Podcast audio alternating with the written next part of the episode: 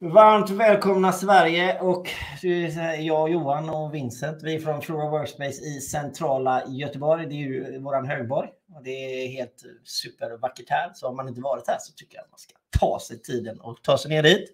Eh, vi har som sagt eh, väldigt, väldigt trevlig gäst, Vincent.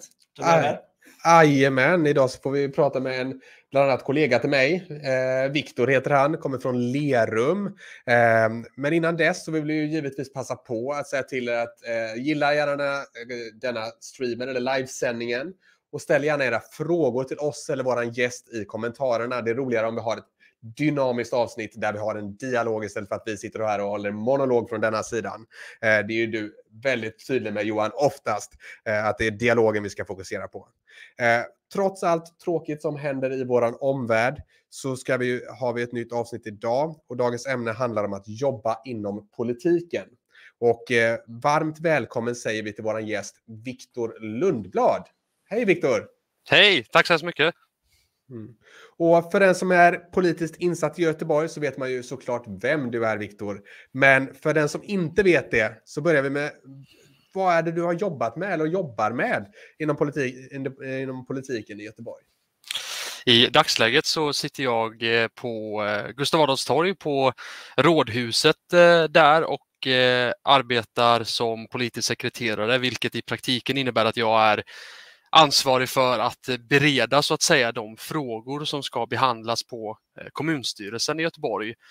Eh, en gång varannan vecka brukar det vara och då är jag specifikt ansvarig för vad som kallas för KSO-roten, alltså de frågorna som ligger på kommunstyrelsens ordförandes bord, alltså Axel Josefssons bord i Göteborg.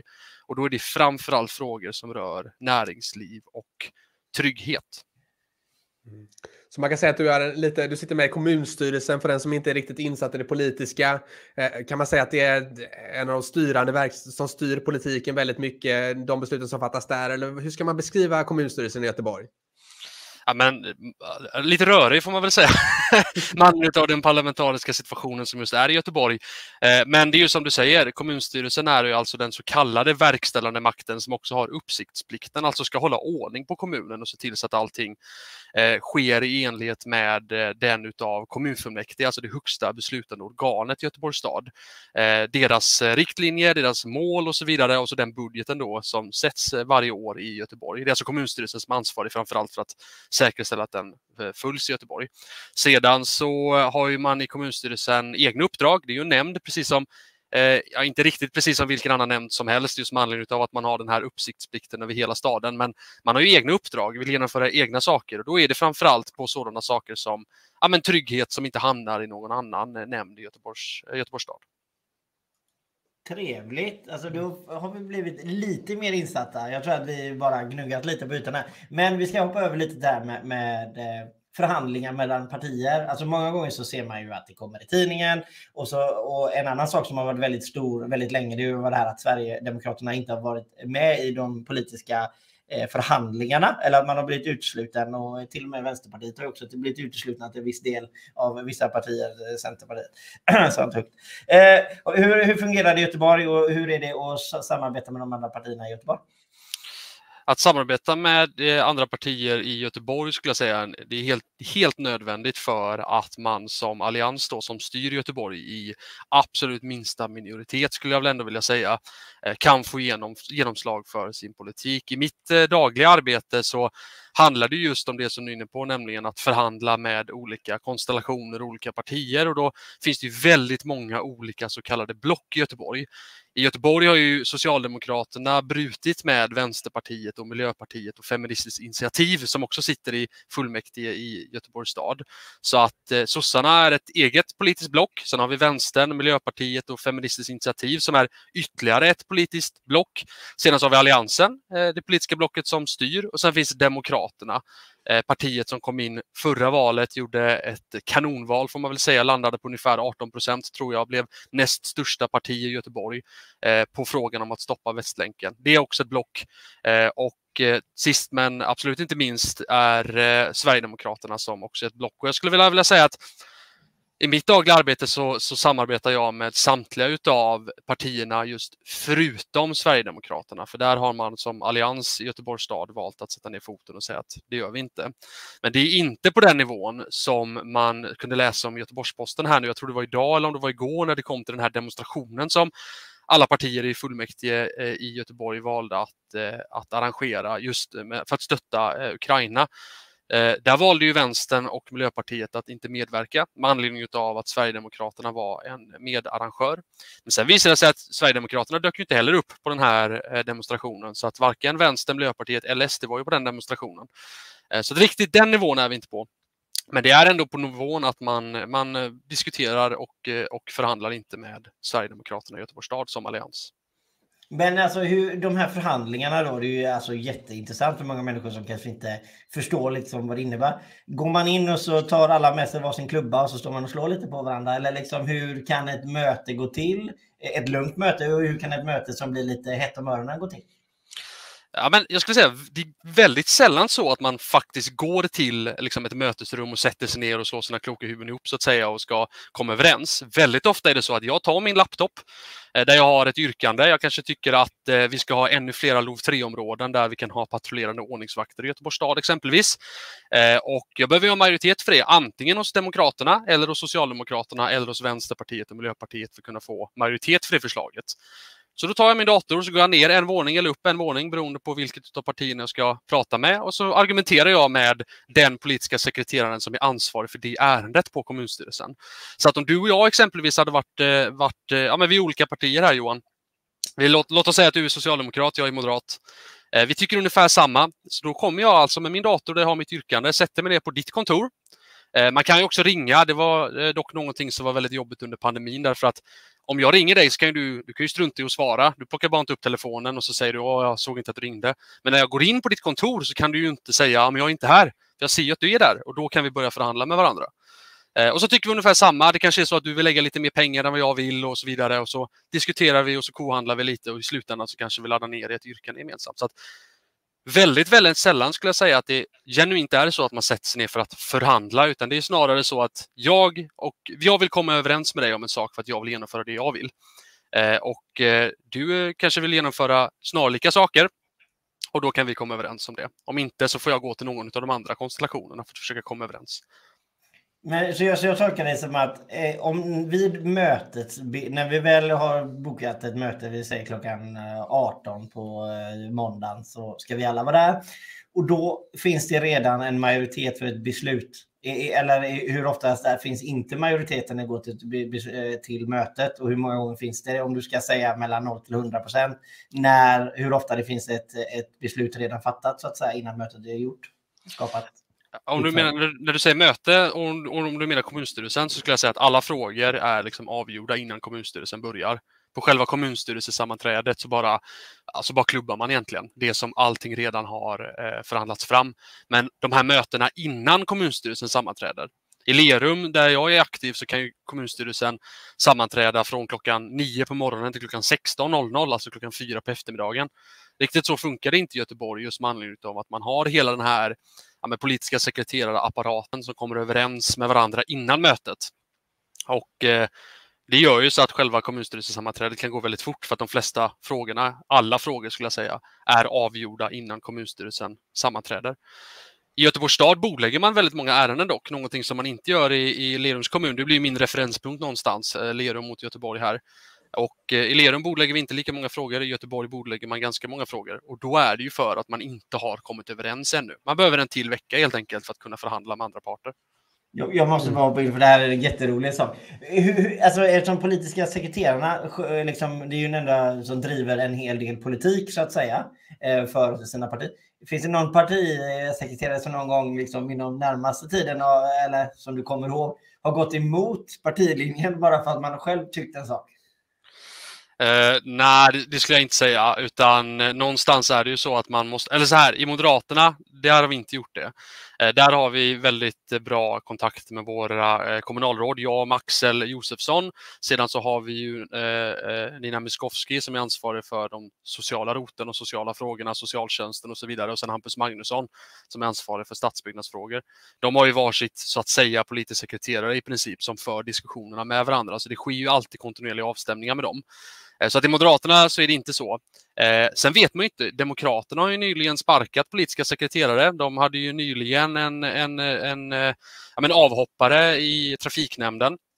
Och tidigare så har man ju även haft en, numera har man ju politisk vilde i Henrik Munk i kommunstyrelsen. Där vet inte jag om det är så, men jag kan tänka mig eventuellt att om det är någonstans det är så kan det nog vara där. Och jag tänker så här, Viktor, du som rör dig i maktens korridorer i eh, Göteborg. Och jag tänker ta tillvara på det. Demokraterna, eh, de kom in och gjorde ett jättebra val på en fråga som eh, stoppar Västlänken. Som har varit diskuterad, kan man faktiskt göra det i Göteborg eller måste man bara sitta med i riksdagen för att eh, göra det beslutet? Men vi kunde ju också läsa idag om att det var Eh, kaos i Demokraterna. Hur har det varit att samarbeta med Demokraterna? Vad, vad, driver de för frågor? Är det någon speciell inriktning? De har ju lite olika företrädare från tidigare olika eh, partier och ideologier. Ja, men jag skulle säga att det är framför allt två saker som någonstans när jag diskuterar med dem eh, och försöker liksom komma överens med dem så märker jag utifrån mitt egna erfarenhet utan att själv vara demokrat så att säga så är det framför allt alltså stadsbyggnadsfrågor, trafikfrågor.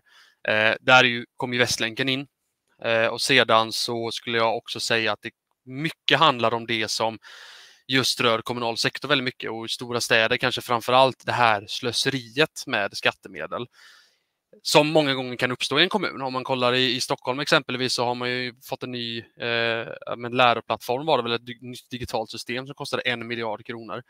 Det är sådana saker de driver eh, mycket. Sedan så har det ju nyligen Eh, Eh, uppdagats får man väl säga eftersom att kommunstyrelsen i Göteborgs stad, till skillnad från många andra kommuner, valde att beställa en rapport om just tystnadskultur.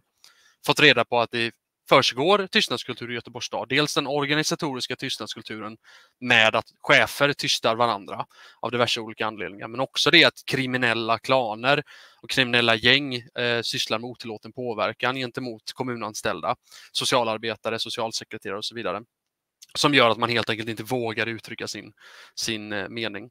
Och eh, det är sådana frågor som jag märker att de mycket eh, yrkar på i kommunstyrelsen. Men så här, det är svårt tror jag att, jag menar de minskar, de sjunker nu i opinionen. Jag tror att det är svårt någonstans att vara ett uppstickarparti och om man inte lyckas under mandatperioden hitta den här liksom, superfrågan så att säga, eller sprida sitt arbete och sprida sin politik på ett större sätt, så tror jag det kan vara svårt att, att stanna kvar på de nivåerna. Nu ser man att de har minskat ungefär 10 procent i opinionen. Sen får man väl se vad det blir på valdagen, men jag tror inte att de kommer vara 18 procent den här gången. Mm. Ja, men det är, och sen så den valfrågan som jag bara får spekulera också, den valfrågan som man drev med Västlänken. Den, det finns det andra frågor som har dominerat samtalsklimatet kan jag tänka även i Göteborg på senare tiden. Eh, men jag tänkte gå vidare lite i avsnittet. Eh, och eh, jag tänkte kolla med, om dig Viktor, var, var har din politiska karriär startat? Eh, och eh, vad är det som har gjort att du har gått med i politiken och eh, vad har du för planer framåt? Jag kandiderar ju till kommunstyrelsens ordförande i Lerums kommun, så att jag är ju eh, första namn på Moderaternas valsedel och hoppas ju få förtroende dels för fortsatt styre i kommunen. Vi styr ju i dagsläget med Alliansen och naturligtvis ett fortsatt moderat innehav utav just kommunstyrelseposten, eh, kommunstyrelseordförandeposten i Lerums kommun. Jag påbörjade mitt engagemang snart för tio år sedan, 2013, och då var det sådana grundläggande saker eftersom att jag då gick på, på, eh, på gymnasiet, eller skulle börja gymnasiet. Då handlade det framför allt om frågor om, om dels fritt skolval, dels om frågor om att jag ville på ett lite tydligare sätt kunna ja, pussla ihop mitt eget schema. Jag ville liksom inte välja ett program och så behövde jag gå det i programmet och så vidare, utan jag ville vara lite mer fri i de valen man kan göra. Jag kanske ville läsa samhällskunskap och natur eller teknik och samtidigt spela teater exempelvis. Att jag kunde pussla ihop det programmet. Och Det var ju det som ledde in mig på just frihetstanken, att människor ska få välja själva och att människor vet bäst. Och Det var också det som gjorde att jag sedan då blev eh, moderat.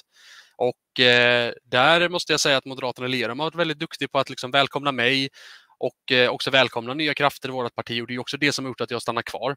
Sen i grund och botten så har det ju numera också att göra med att jag har ett, lokal, alltså ett lokalt engagemang och bryr mig om ett lokalsamhälle och vill gärna ge tillbaka till det. Och det här är det sättet som jag tror att jag kan göra det på bästa sätt.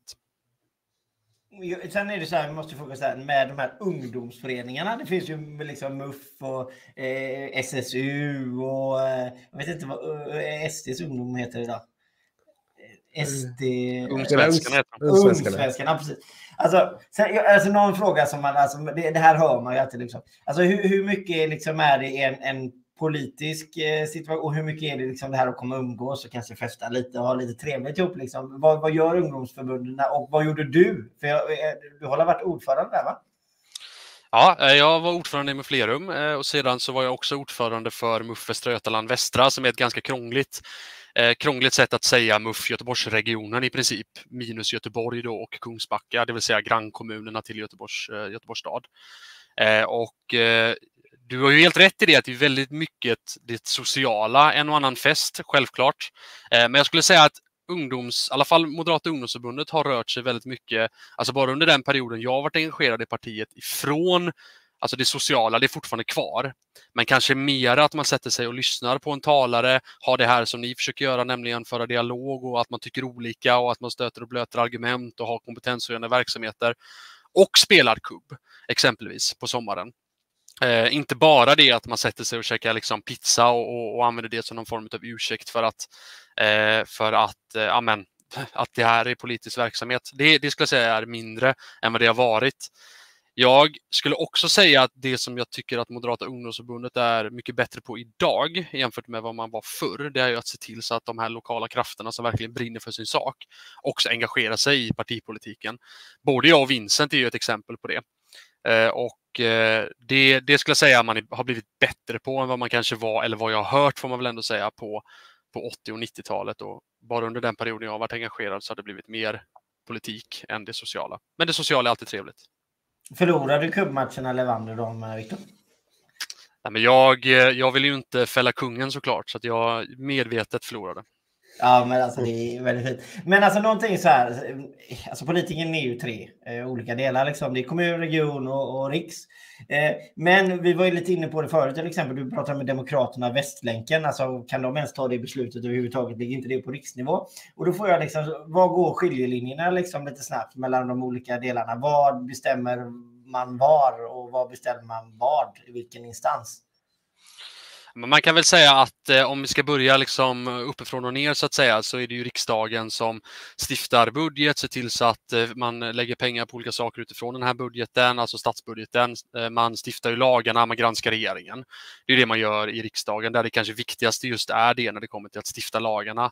Det är ju de som sätter den gemensamma spelplanen så att säga i vad de andra två instanserna kan och får göra.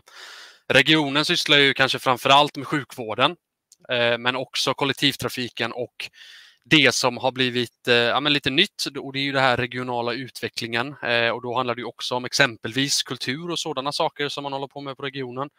Och sen kommer mitt favoritinstans då, nämligen kommunen och där handlar det ju dels om att tillgodose det som ja, men exempelvis hemtjänst. Det kan ju vara äldrevård, skola, Hela skolan ligger ju på kommunen. Bibliotek är en sådan sak. Eh, så att den här lite mer nära vården, det är det som jag tycker är oerhört roligt just med kommunen, att man hamnar så nära. Det kan ju dels vara de övergripande sakerna som att se till så att skolgången för elever blir bra. Eh, för där tycker inte jag att politiken ska vara speciellt mycket liksom nere och peta, utan där tror jag att rektorerna och lärarna liksom kan det där mycket bättre. Men det kan ju också vara sådana saker som att ja, men vi har identifierat att i Aspen på sommaren så, eh, så ser det rent ut sagt ut som skit. Eh, och vi måste ha mer papperskorgar. Vi måste se till så att parkenheten ser till att städa upp detta så att vi just tar hand om den besöksnäringen som vi faktiskt får i Lerums kommun. Det kan ju vara sådana saker också. Ehm, en sån sak som jag tycker är väldigt talande för det, det var att vi i Moderaterna i Lerums kommun och tillsammans då med Alliansen för ja, men, i onsdags klubbade igenom att vi skulle ja, men, helt enkelt etablera en brygga i Älvsnäsviken i Gråbo. Någonting som jag har märkt på sociala medier har varit oerhört positivt. Alltså människor har varit väldigt glada för det och det är ju någonting som man gör på kommunen men inte riksdag och region. Eh, så att, eh, ja, det, det roligaste med kommunen är att man är, är, så nära människorna så att säga, som man helt enkelt försöker eh, göra så att kommunen blir bättre för. Mm. Och en sak som du och jag, Viktor, har gemensamt förutom att vara engagerade i Lerums kommunala politik är ju att vi båda är utbildade statsvetare också. Och här kommer en riktig statsvetarfråga här.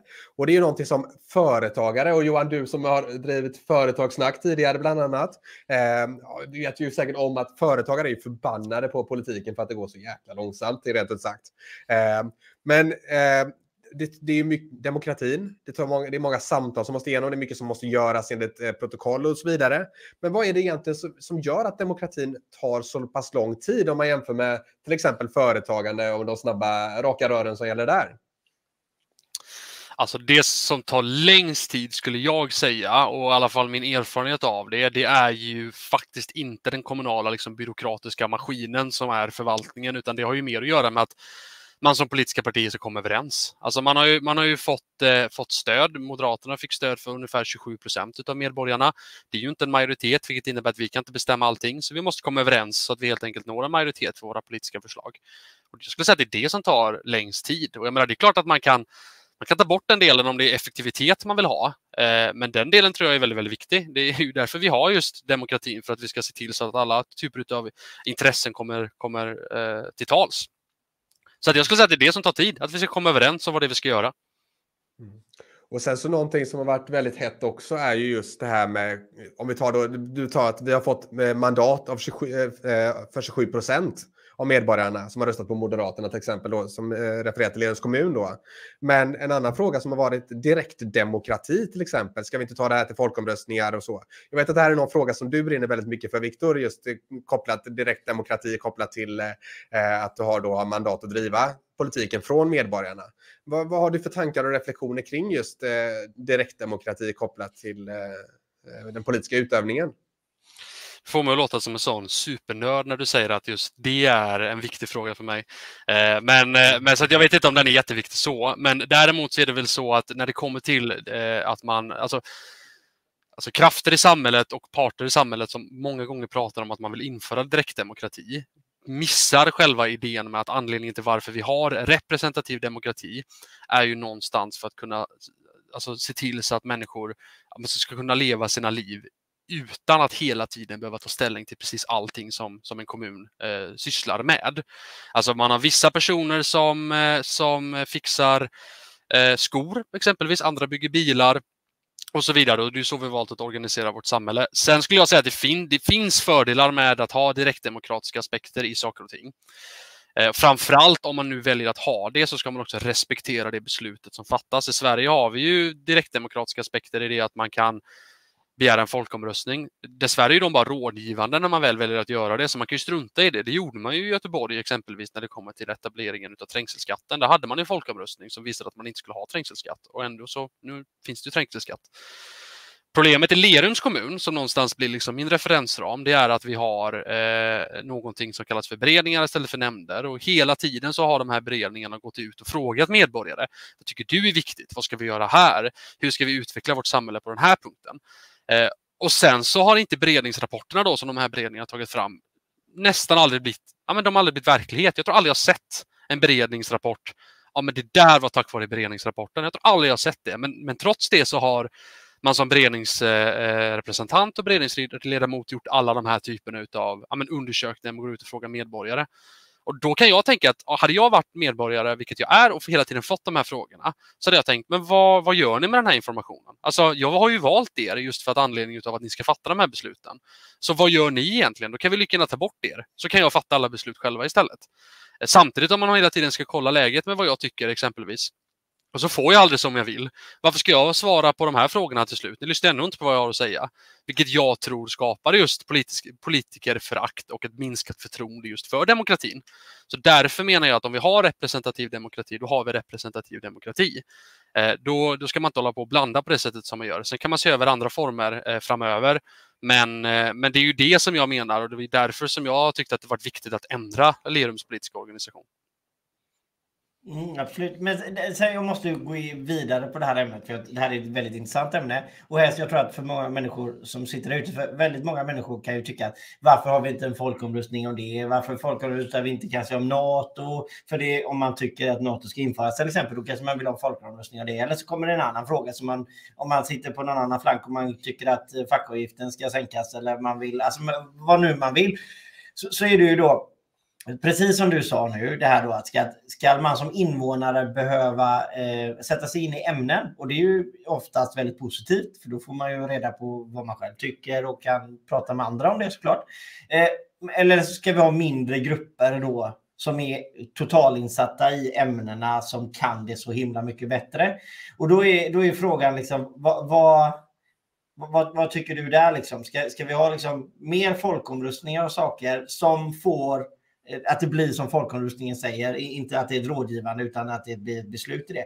Eller ska vi ha om, får jag ju dock säga om också givetvis, det är ju att vi kan göra det på ett enkelt sätt, till exempel logga in på BankID eller någonting och man kan göra det mycket enklare än vad vi har idag. Så vi får la ponera här lite också. Eh, men vi säger, skulle du vilja ha fler folkomröstningar eller färre och vill du ha de här nämnderna då som mer beslutar att de är insatta? Liksom? Eller hur tänker du där? Liksom? Jag har egentligen ingen åsikt om när det kommer till mängden av liksom, folkomröstningar. Jag tycker att om man nu ska ha folkomröstningar så får man ju precis som du är inne på, liksom verkligen ha det. Då handlar det om informationskampanjer, att politiska partier genuint ser till så att man också får få den informationen som man behöver för att kunna fatta kloka beslut också som medborgare. Politiker i sig är ju faktiskt inte heller experter utan det är ju förvaltningen som är experterna i fråga. Vilket just gör att man som politiker lite grann ska vara lekman och kunna se medborgarperspektivet. Det är väl den andra aspekten av det hela. Det som det som jag inte tycker om och som jag många gånger märker när det kommer till just folkomröstningar dock, det är att man som politiskt parti eller politisk representant väljer att liksom skapa eller tillkalla då en folkomröstning när man tycker att frågan är lite jobbig. Det här är någonting som jag inte vill ta ansvar för. Det får folket göra. Kolla, nu har folket fått säga sitt. Det var de som sa nej eller det var de som sa ja. Och så kan man aldrig ha ansvarsutkrävande för de politikerna som man har valt. Därför att om politikerna fattar dåliga beslut, då ska man välja bort politikerna. Det är väl det jag ser någonstans blir problematiskt med eh, blandningen mellan representativ demokrati och direktdemokrati. Jag hade gärna, och jag tror när det kommer till kommunal nivå, sett att man hade kunnat ha mera eh, direktdemokratiska inslag. Men då ska det inte vara i kombination av någon form av liksom beredning som vi har haft i Lerums kommun. Det vill säga att man liksom ska ta in en politisk fråga och hitta politiska förslag på saker och ting. Utan då är det bättre att det finns alternativ 1, alternativ 2, alternativ 3. Så, vad tycker ni är bäst? Eh, jag menar, ta den här eh, beredningsrapporten nu som du håller på med eh, Vincent, som just rör liksom vattenpalatset i Lerums kommun. Det är ju en fråga man hade kunnat köra en genuin folkomröstning på. Alltså vart vill ni ha badet? Sen kan man tycka att den kanske inte är av den principiella beskaffenhet att man ska göra det. Men där fanns det tre alternativ. Alltså vad, vad tycker ni är rimligast? Och så kan man få den informationen man behöver för det. Och så får man respektera det i valet. Det är ju bättre än att, eh, än att ha det som rådgivande i sådana fall. Men på det stora hela, jag är skeptisk till det när vi har representativ demokrati. Jag tycker inte om den kombinationen. Utan jag ser det snarare som att politiker Eh, alltså, de, vill inte, de vill inte ta ansvar för en politisk fråga de tycker är lite jobbig och då kör man en folkomröstning. Kärnkraften var en sådan. Eh, och jag menar, vad, vad slutade den omröstningen med? Den slutade med att vi inte skulle ha kärnkraft. Nu håller vi fortfarande på att diskutera kärnkraft 40 år senare. Så vad, vad gav den exempelvis?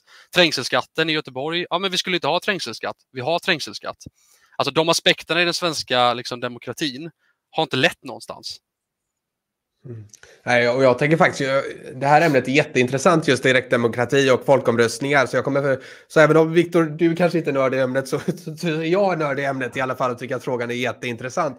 Eh, men där är också en sån sak, eh, att det måste finnas ett representativt urval i detta också. För är det så att vi drar igång en folkomröstning, till exempel i Lerums kommun, om vi ska ha ett väggupp vid min gata, då kommer ju de som är vid min gata engagera sig jättemycket i det här. Och så kanske speciellt en sida då som är för att det ska vara det här väguppet. De som inte bryr sig, de kommer inte bemöda sig att logga in med sitt bank-id om det är så och logga in och den här krångliga processen. Medan då den här gruppen då som kanske väcker till och med andra liksom kompisar och sånt. Eh, eh, i kommuner då för att den här frågan är jätteviktig för dem. Så att man får, då blir hela urvalet skevt i den här frågan just. Eh, och det är en sån sak som, har man, då måste man ju ha antingen tillräckligt stort eh, ehm, stort urval, eller att den är av principiell beskaffenhet den här frågan då för hela kommunen. Det kan ju vara en sån eh, sak att komma runt det. Men jag skulle även vilja också lyfta upp aspekten i just eh, omröstningar om, som du pratar om, ansvarsutkrävandet. För om vi röstar igenom någonting som vi alla tycker är jättebra, ska vi ha, eh, vi ska ha mer av någonting som är jättebra i kommunen. Eh, normalt sett så har du politiker bra. som måste, eh, som, precis, mer av någonting som är bra, det är ju jättebra. Normalt sett så måste du ha politiker som prioriterar mellan de bra, bra sakerna, för det finns många saker som är bra. Men om du har en folkomröstning om det så har du ju till exempel inte någon som har eh, eh, som måste ha det ekonomiska ansvaret eller någonting, eh, implementeringsansvaret. Så det är också en sån intressant aspekt att föra in i samtalet i alla fall. Ehm, men jag tänkte, någonting som du nämnde förut var ju eh, nämnder och beredningsgrupper. Eh, för den som inte sitter med och är hyperinsatt i eh, kommuners eh, politiska organisation, eh, som jag vet att du är också, du var med för att förhandla fram den nya organisationen. Vad är skillnaden och eh, vad skulle vara bäst ur ett demokratiskt perspektiv av de här? Ja, men helt, helt klart nämnder. Alltså beredningar är, eh, alltså framförallt om man tar beredningar, som, alltså att man bara har beredningar som vi haft i Linus kommun, så är de helt värdelösa. Det, det som beredningar gör är att man arbetar fram förslag. Alltså försl politiska förslag är vad man arbetar fram, alltså det som politiska partier gör. Alltså när vi tills, tillsätter politiska arbetsgrupper i, i Moderaterna i Lerums kommun så tar vi fram den politiken vi vill göra och detsamma gäller alltså beredningar. Man arbetar fram politiska förslag nämnder fattar beslut i politiska frågor. Ta det här med väggupp exempelvis.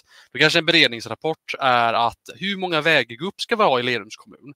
Och så tar man ett år, sitter liksom ett gäng, åtta politiker och sånt där och, och liksom dricker lite kaffe, snackar lite, man kanske åker på verksamhetsbesök i Kungälv och kollar hur många vägupp de har. Sen åker man hem, snackar lite till och sen så ber man förvaltningen ta fram en berednings, beredningsrapport där de säger att ah, men vi ska ha 58 gupp i vår kommun. Och så är det så här, ja, men hur mycket kommer det kosta? Ah, men det vet vi inte, för att vi får inte kolla på de ekonomiska aspekterna. Jaha, ni får inte kolla på de ekonomiska aspekterna. Jaha, men då får ju vi göra det då. Då får ni göra det. Ja, men då vet vi det. Ja, men vi ska ha 58 vägupp. Och så får kommunstyrelsen skicka det på beredning till, till förvaltningen. Och så får förvaltningen säga att det kommer kosta 40 miljoner, säger vi. Jag vet inte varför det skulle kosta så mycket, men vi säger det. Det kommer kosta 40 miljoner kronor. Eh, då kanske vi i kommunstyrelsen tycker att aha, men det är ju dumt. Alltså, ska vi inte lägga pengar på något annat? Ja, men fullmäktige har antagit den beredningsrapporten. Så att vi, det här är ju någonting vi kommer behöva göra nu. Och det är ju det jag menar någonstans leder till, och, och en annan sak där när det kommer till de här beredningarna, det är ju att, eh, i alla fall i Lerums kommun, för det är bara utifrån Lerums kommun jag pratar här, för det, kan, det kanske funkar skitbra i andra kommuner. I Lerum har det inte funkat. Eh, det är att eh, man kan ju som opposition driva igenom sina politiska förslag i baksätet. Eftersom att i, i den här beredningen ska man ju vara överens. Vilket leder till att moderater och vänsterpartister eller miljöpartister ska komma överens om hur många vägupp vi ska ha. Och då kanske vi tycker att men det är inte vår roll att bestämma att vi ska ha massa vägupp, utan människor får bestämma själva, bostadsrättsföreningar och så vidare får bestämma själva. Medan Miljöpartiet tycker att men det ska bara vara vägupp överallt för det ska vara skitjobbigt att åka bil, exempelvis. Då ska vi komma överens, trots att väljarna har gett oss förtroende i, i Lerum då att, eh, att eh, driva våran politik. Medan då nämnder Eh, är representativt utöver, eller ja, inte helt representativt, det är fullmäktige som är representativt, men det är i alla fall representativt för vem som styr. Vilket gör att det är majoritetens vilja då, så att säga, om man har egen majoritet som går igenom. Eh, det skulle jag säga är, är mycket bättre och mycket mer demokratiskt och eh, man får helt enkelt mer för, för pengarna också. För att jag menar, det kostar pengar att bereda massa frågor i, i den kommunala byråkratiska apparaten och eh, att sitta ett helt år och liksom titta på hur många vägupp man ska ha, det är slöseri med pengar. Men om man sitter och lyssnar nu på någon poddplattform här nu efterhand och så känner man liksom så här att Alltså, alltså jag tycker det, är så, det här är så himla dåligt där jag bor. Oavsett var man bor i, Sverige, man bor i någon kommun och så tycker man det här är så fruktansvärt dåligt. V vad ska man göra Viktor för att få liksom en förändring när man inte är politiskt aktiv själv? Vad ska man göra? Ja, men alltså, för det första så eh, engagera dig. Nu sa du att man inte ska vara politiskt aktiv, men så här, bli politiskt aktiv. Jag är ju inte någon, någonting mer än en kommuninvånare i Lerums kommun som valde att engagera mig politiskt. Så att jag ser inte mig själv så mycket mer som liksom, politiker än vad jag gör som kommuninvånare som brinner för vissa saker som jag vill genomföra. Om man inte vill engagera sig politiskt, hör av dig till en politiker. Alltså vi i Lerums kommun har haft politiska arbetsgrupper där man inte ens behöver vara liksom medlem. Man får vara med ändå och eh, säga vad man tycker. Sen kanske vi eh, värdesätter de som är medlemmar lite mer eftersom att vi vet att vi delar värdegrund med dem. Men å andra sidan så handlar det kanske snarare om att man ska lyssna in vad som är viktigt för just lokalbefolkningen för att se, eller kommuninvånarna för att se vad som man helt enkelt ska göra. För att de politiska partierna har ju som intresse också att växa. Så att hör av dig till dem eh, och, och, prata med dem. Skriv debattartiklar. Jag vet att Lerums tidning är jätteengagerad just i de lokala frågorna. Man får inte ens in insändare som inte rör lokala frågor. Så skicka in insändare, skapa opinion för din sak.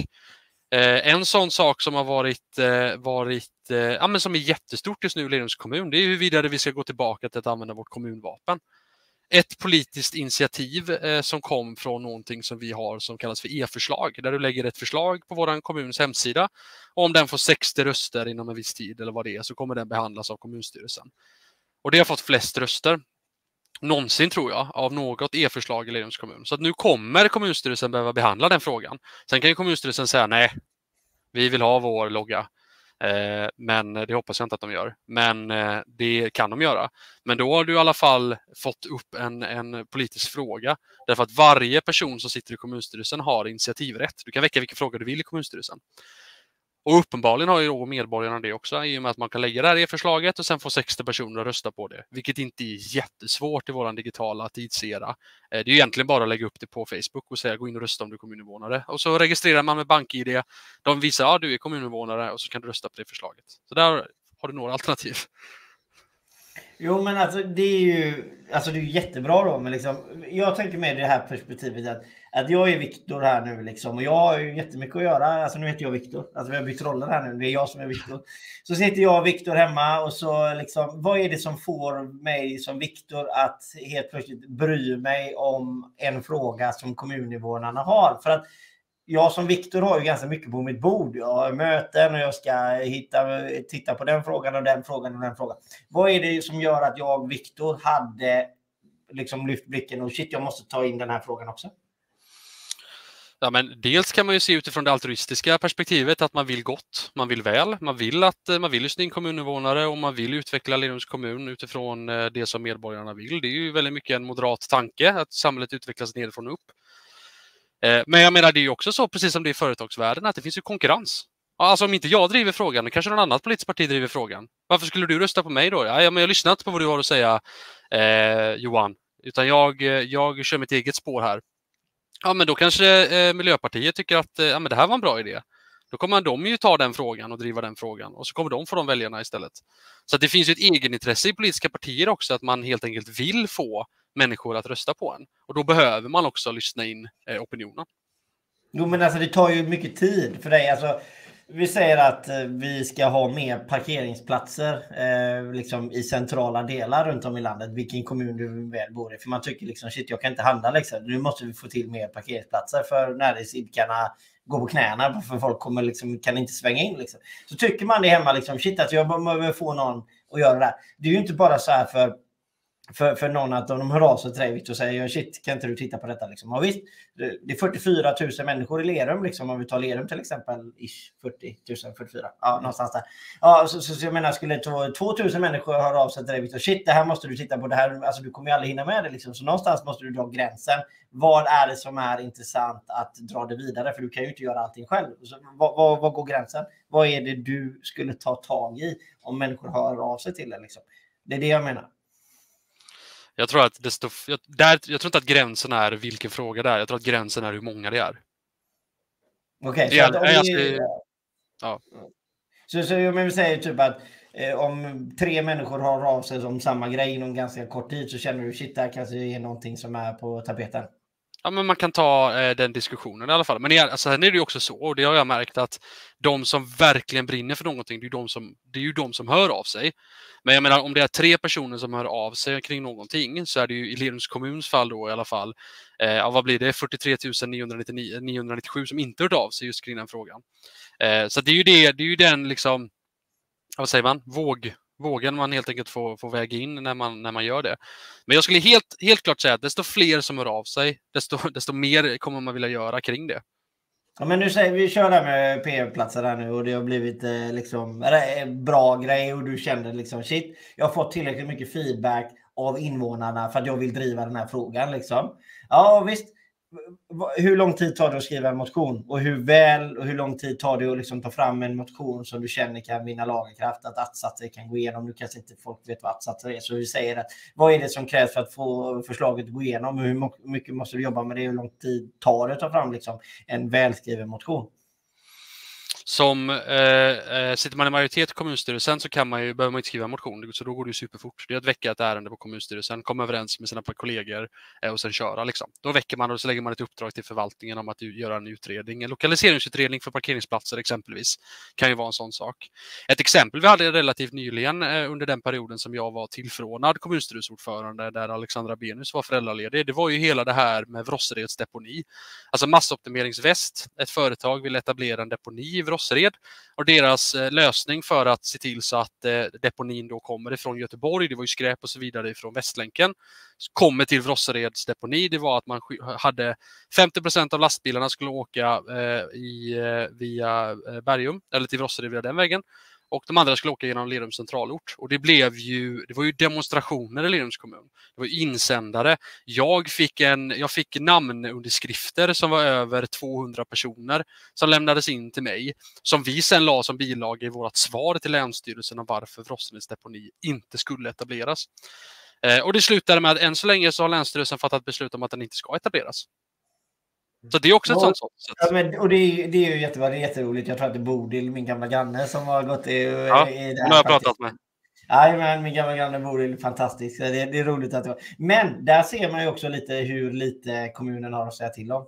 Även mm. om du som politiker sitter i majoritet och eh, alla politiska partier tror jag i Lerum var ju emot att den skulle skapas. Jag vet inte om alla, men relativt alla i alla fall. De samtliga. Ja, och, och, då, då, och helt plötsligt så står kommunen utan makt och så frågar invånarna dig, Viktor, varför gör du inte mer? Vad, ja, vad, vad, vad, säger du då? Liksom? Nej, men då får man ju vara ärlig och säga det. Nej, men det här är Länsstyrelsens fråga. Alltså, det här är inte någonting vi avgör, utan det här avgörs av regeringens representanter i vårt län. Nämligen du har 2,7 miljarder i budget här, Viktor. Alltså, du, ja. alltså, du borde ju kunna liksom, trycka in lite advokater där. Nej, men alltså, så, vadå, så hade jag tänkt. Eh, men invånare, vad, vad, alltså, vadå, vi har en jättebudget. Jag, menar, vi, jag ser ju i tidningen ibland här att eh, kommunen är juridiska mål mot grejer. Varför kan inte vi liksom Alltså... Ja, men det, och det, det, gör vi ju. Alltså, skulle det vara så att Länsstyrelsen fattade ett beslut om att man ska etablera den här deponin, då hade ju regeringen överklagat det eh, till Mark och miljödomstolen och sen till Mark och, eh, till, till Mark och miljööverdomstolen exempelvis. Så man kan ju överklaga. En annan sån sak vi funderade på som jag var väldigt mycket inne på om det var så att Länsstyrelsen skulle ha godkänt den här etableringen. Det var ju att bygga fartgupp vid Torpskolan. Så att det är skitjobbigt för de här lastbilarna att åka förbi. Så att de helt enkelt inte tar den vägen. Det var en annan lösning vi tittade på. Ja, men att liksom obstruera i ärlighetens namn. För att se till så att de inte skulle ta detta. För det skulle få, alltså de här fartguppen då, när vi pratar väldigt mycket fartgupp här. De fartguppen skulle ju få eh, få konsekvenser naturligtvis som inte var positiva. Men jag menar att det skulle åka igenom 50 lastbilar varje dag genom Lerums centralort. Det skulle få ännu mer negativa konsekvenser. Mm. Så att eh, eh, men jag får bara säga det, en annan sån sak, om vi bara är inne på det när det kommer till den kommunala makten så, eh, och Länsstyrelsen, så jag menar Moderaterna har varit väldigt eh, påtryckta, eller tryckt på i Lerums kommun och jag vet i många andra kommuner också, att eh, man behöver se över strandskyddet. Eh, vi har ju ett Aspenäs herrgård som hade i Lerums kommun som hade fixat till jättevackert för sina gäster nere vid Aspen. Man hade liksom satt upp lite av ett staket, gjort en liten uteplats, byggt en liten väg och så vidare. Eh, just för att man skulle kunna komma åt vattnet och njuta av vattnet och den utsikten man får vid Aspen. Då var det någon som anmälde det till Länsstyrelsen och så behövde de ta bort det. Helt mm. enkelt. Och jag menar, även om vi som kommun då, jag då som var tillförordnad KSO tyckte att det här var bedrövligt. Jag kunde inte göra någonting åt det. Så det och det är samma sak eh, när coronapandemin drog igång. Då fick jag massa frågor när det kom till men varför vaccinerar ni inte mera? Vad är vaccinationstiderna i Lerums kommun? Varför, vart, vart ska man vaccinera sig? Eh, då fick man ju förklara det. Eh, Dessvärre är inte det här inom den kommunala rådigheten. Det här är inte vårt ansvar. Det här har inte vi kompetens att genomföra. Det är regionen som har det ansvaret. Eh, så att eh, det är ju ännu en anledning, tror jag, någonstans också när det kommer till att, eh, att Eh, välja, när man väljer representanter så tror jag man måste ha det i åtanke också. Därför att du väljer ju i tre val och då måste man ju se till så att man väljer rätt representanter i alla de valen. Mm. Och vi, som sagt, vi har ju pratat mycket om farthinder här idag. Och, jag tycker, och när man kommer då eh, från England så är det ju väldigt roligt då när man ser de här farthinder. Och ännu värre är det när man dyker, dyker upp i en fart control. Eh, men eh, vi ska kanske lämna det och gå in på nästa ämne som är... Tänk när det säljs eh, eh fårskinn då överallt. det är ännu värre. Ja, vi tar inte upp det här. och eh, jag tänker så här. Eh, det finns ju ett stort politikerförakt som man brukar prata om. Att man, man tycker inte om politiker. Det används i negativa termer, till exempel. Du, du, du pratar som en politiker och sådant. Eh, och sen du är finns lugnare. Du, Precis. Ja, alltså hela den biten. Liksom. Ja. Och samtidigt finns det också eh, incitament för politiker att vara, eh, som vi pratat om tidigare, populister. Eh, att man lovar allting bra, man lovar guld och gröna skogar. Eh, men vad, vad, vad, ska man göra inom politiken för att få bort det stora politikeraktet och även få politiker att inte verka som populister? Ja du, eh, jag tror att det, blir ju någonstans eh, motsättningarna här. Det är ju, alltså, när man säger att man är populist så, så har väl det också väldigt mycket, tänker jag, att göra med att man, man vänder kappan efter vinden och ändrar åsikt beroende på opinionen är och att man inte står fast eh, vid vad man tycker även när det liksom blåser. Det, för det, det tänker jag också sprider på eh, politikerfraktet. Samtidigt så är det ju så att en opinion kan ju tycka någonting Eh, eller ändras för den delen och att man själv eh, står fast och faktiskt tycker fel. Jag tror att i grunden så handlar det mycket om att det som, som vi var inne på när det kommer till att nu, nu pratar du som en politiker, att man ska inte prata som en politiker, eh, utan man ska, vara, man ska liksom skippa talespunkterna, slänga dem i soptunnan och gå ut och snacka liksom, i ärlighetens namn. Och försöka få in det som jag sa tidigare, att jag är också en kommuninvånare. Alltså jag brinner också för det här samhället. Här tycker inte vi exakt samma, men jag har ju inte engagerat mig i, i politiken i Lövs kommun av någon annan anledning egentligen att jag fick en fantastisk uppväxt. Jag fick en, en oerhört fin barndom, eh, bra skolor, eh, goda liksom, klasskamrater. Jag kände mig trygg när jag gick hem från, från Aspedalen upp mot Ekollandvägen där jag bodde då. Eh, det var liksom inga konstigheter. Och jag har sett att, eh, att just framförallt kanske när det kommer till tryggheten så har det blivit sämre. Och det vill jag åtgärda. Eh, för att jag vill att fler också ska ha det så. Så jag, jag, tror att, jag tror att det någonstans handlar just om att man måste kunna förklara saker och ting pedagogiskt och någonstans också vara förutsägbar. Alltså man ska någonstans kunna identifiera att jag vet nog på ett ungefär hur Moderaterna kommer ställa sig i den här politiska frågan. Jag vet på ett ungefär att eh, sossarna och Moderaterna kommer inte tycka samma i den här frågan. En annan sak som tror jag skapar politikerförakt och som jag tror att man i Lerums kommun har varit väldigt duktig på att skapa, det är just det här liksom kumbaya-känslan, alla ska komma överens. För att vad ska man rösta på då? Alla tycker ju samma ändå. Alla lägger ju fram de här beredningsrapporterna som säger samma och alla står bakom dem. Det spelar ingen roll vilka, liksom, vilka representanter jag väljer. Det tror jag också skapar problem. Eh, ja. Mm. Och hur ska man då, jag tänker ta tillvara på det här sista du sa, det med kumbaya-känslan och att alla tycker likadant. Hur ska man förhålla sig till sina politikerkollegor? Eh, för vi tycker ju inte likadant i en hel del frågor, vi har olika åsikter. Eh, men det finns ju också många gånger folk som gör eh, övertramp och pratar om eh, sina politiker på väldigt, eh, väldigt dåliga dagar så att säga och inte håller sig till sakfrågorna. Hur, hur tycker du man bör förhålla sig till sina eh, politiska kollegor för att inte spä på det här politikerföraktet? Nej, men man ska behandla dem med respekt, precis som alla andra människor. Alltså, jag kan tycka att, eh, att eh, jag kan många gånger tycka att jag, här, jag fattar inte hur de kan landa ner i den här slutsatsen. Jag förstår inte vad det är som gör att de inte fattar att det jag tycker är bäst, exempelvis.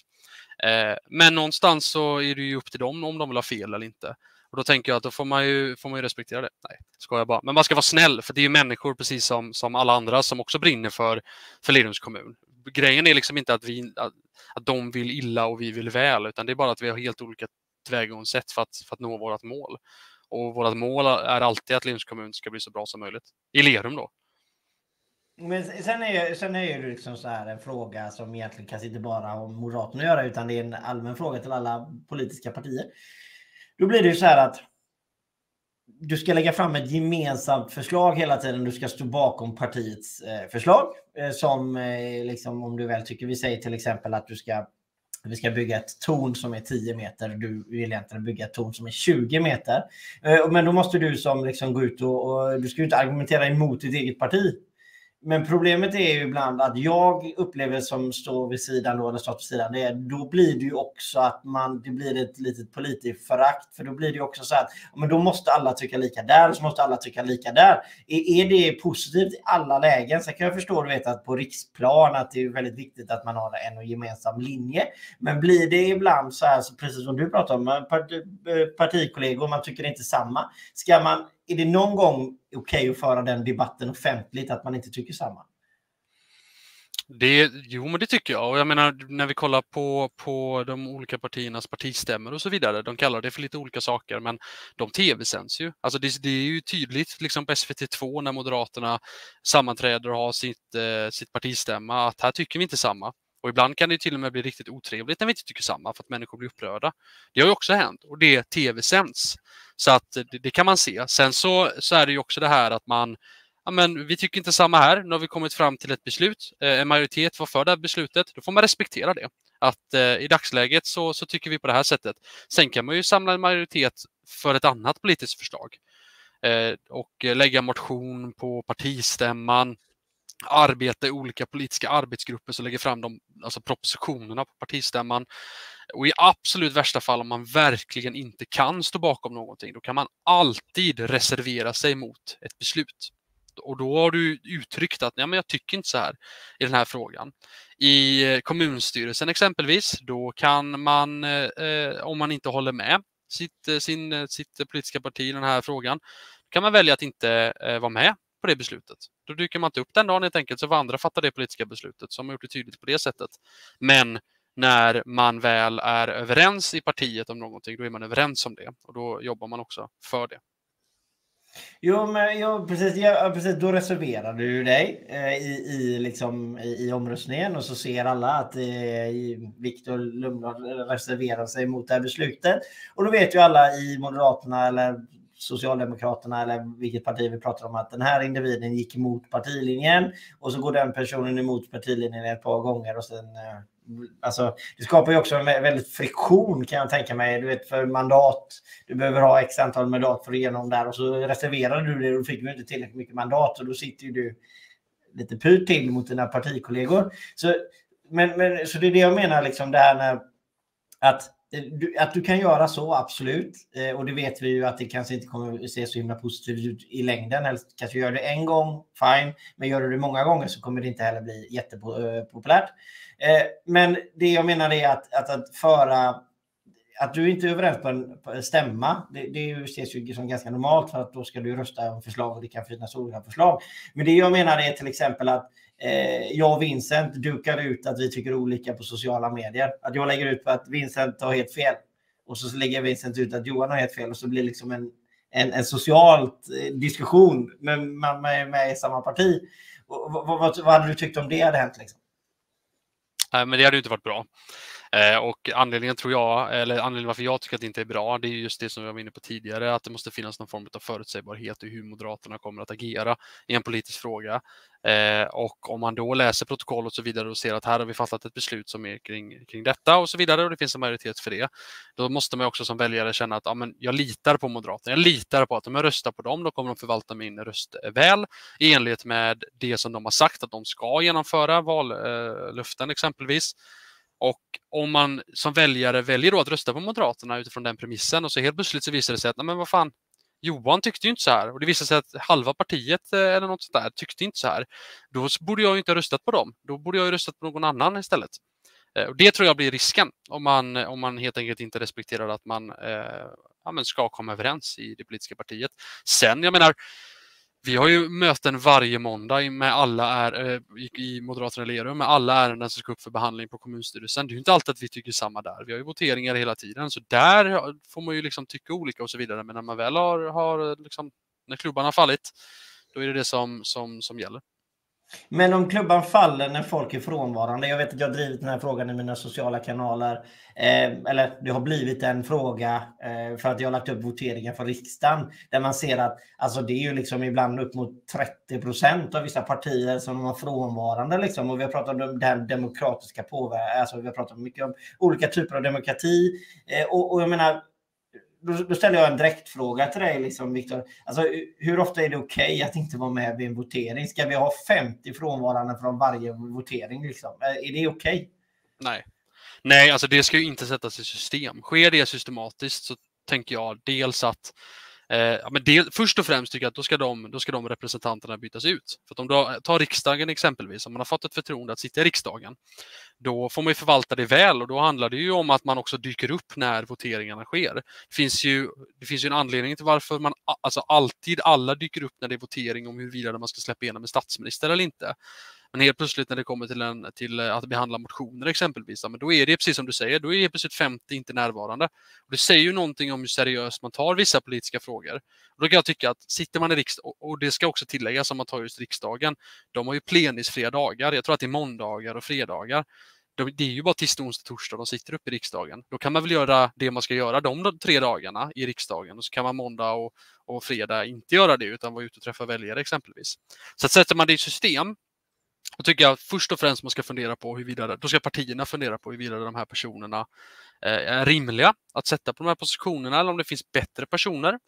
Eh, och i andra hand så ska man som väljare också tänka att det här verkar inte vara ett, eh, ett seriöst parti. Mm. Och det är ju som sagt förtroendeuppdrag som man har, så det är ett förtroende man har att förvalta. Eh, sen skulle jag vilja återvända till den diskussionen vi hade lite tidigare och den eh, kallas sammanfattas med partipiskan, hela det ordet. Hur lång är partipiskan? Och där vet jag att jag läste en väldigt intressant kandidatuppsats för ett tag sedan som frågade frågeställningen eh, lyder, eller är, sträcker sig partipiskan hela vägen till Bryssel? Och då var eh, en av slutsatserna att ja, den är inte riktigt lika stark i Bryssel i alla fall. Den är starkare om vi behåller oss inom vårt nationella, eh, inom Sverige. Eh, men det kan ju också givetvis vara olika partier som har olika. Vi har Demokraterna som har olika till exempel. Och jag kan tänka mig att det är svårare att hålla i en lika hård partipiska i ett sådant parti. Men det är bara mina egna spekulationer. Jag kan tänka mig att det skiljer sig mellan olika partiföreningar, mellan olika eh, nivåer i politik eh, och även mellan olika partier.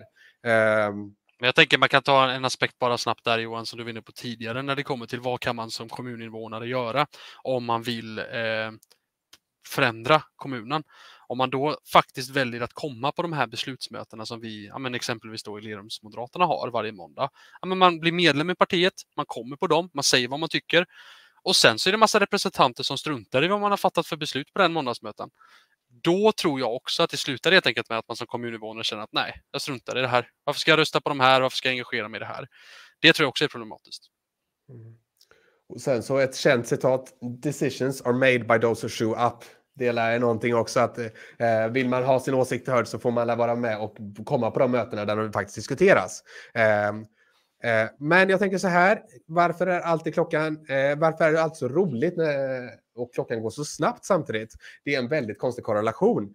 Eh, men jag vill tacka dig Viktor för att du tog dig tiden att ställa upp på detta avsnitt. Eh, det har varit ett väldigt givande avsnitt och tack för att vi än en gång för att vi fick ha dig med här.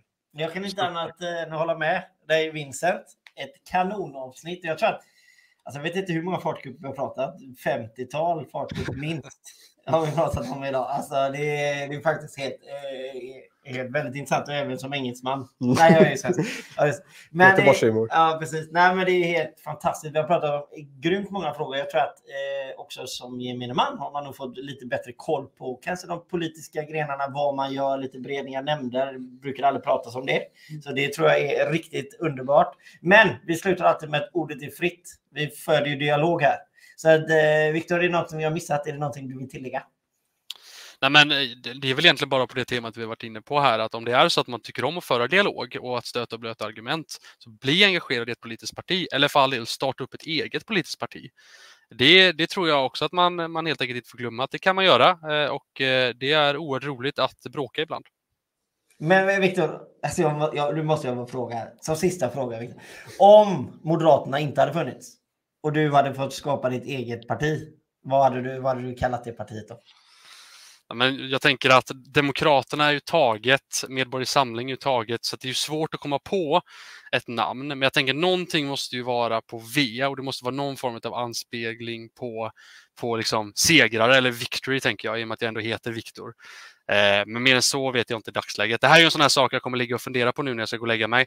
Eh, och sen komma på det. Så jag får väl skicka in det i något annat avsnitt här i kommentarsfältet så får ni fånga upp det då. Mm. Jag vet att ett av de registrerade partierna förra valet var ju Solens frihetsparti. Det är också ett roligt namn. Så att det vet jag inte riktigt vad de hade för frågor de drev. Men stort tack till alla som har tittat vill jag också skicka med. Eh, vi ses igen nästa vecka, samma tid, samma kanaler. Och väl eh, tittat! Mm. Ha det så himla gott. Tack för att du var med Viktor. Jättetack.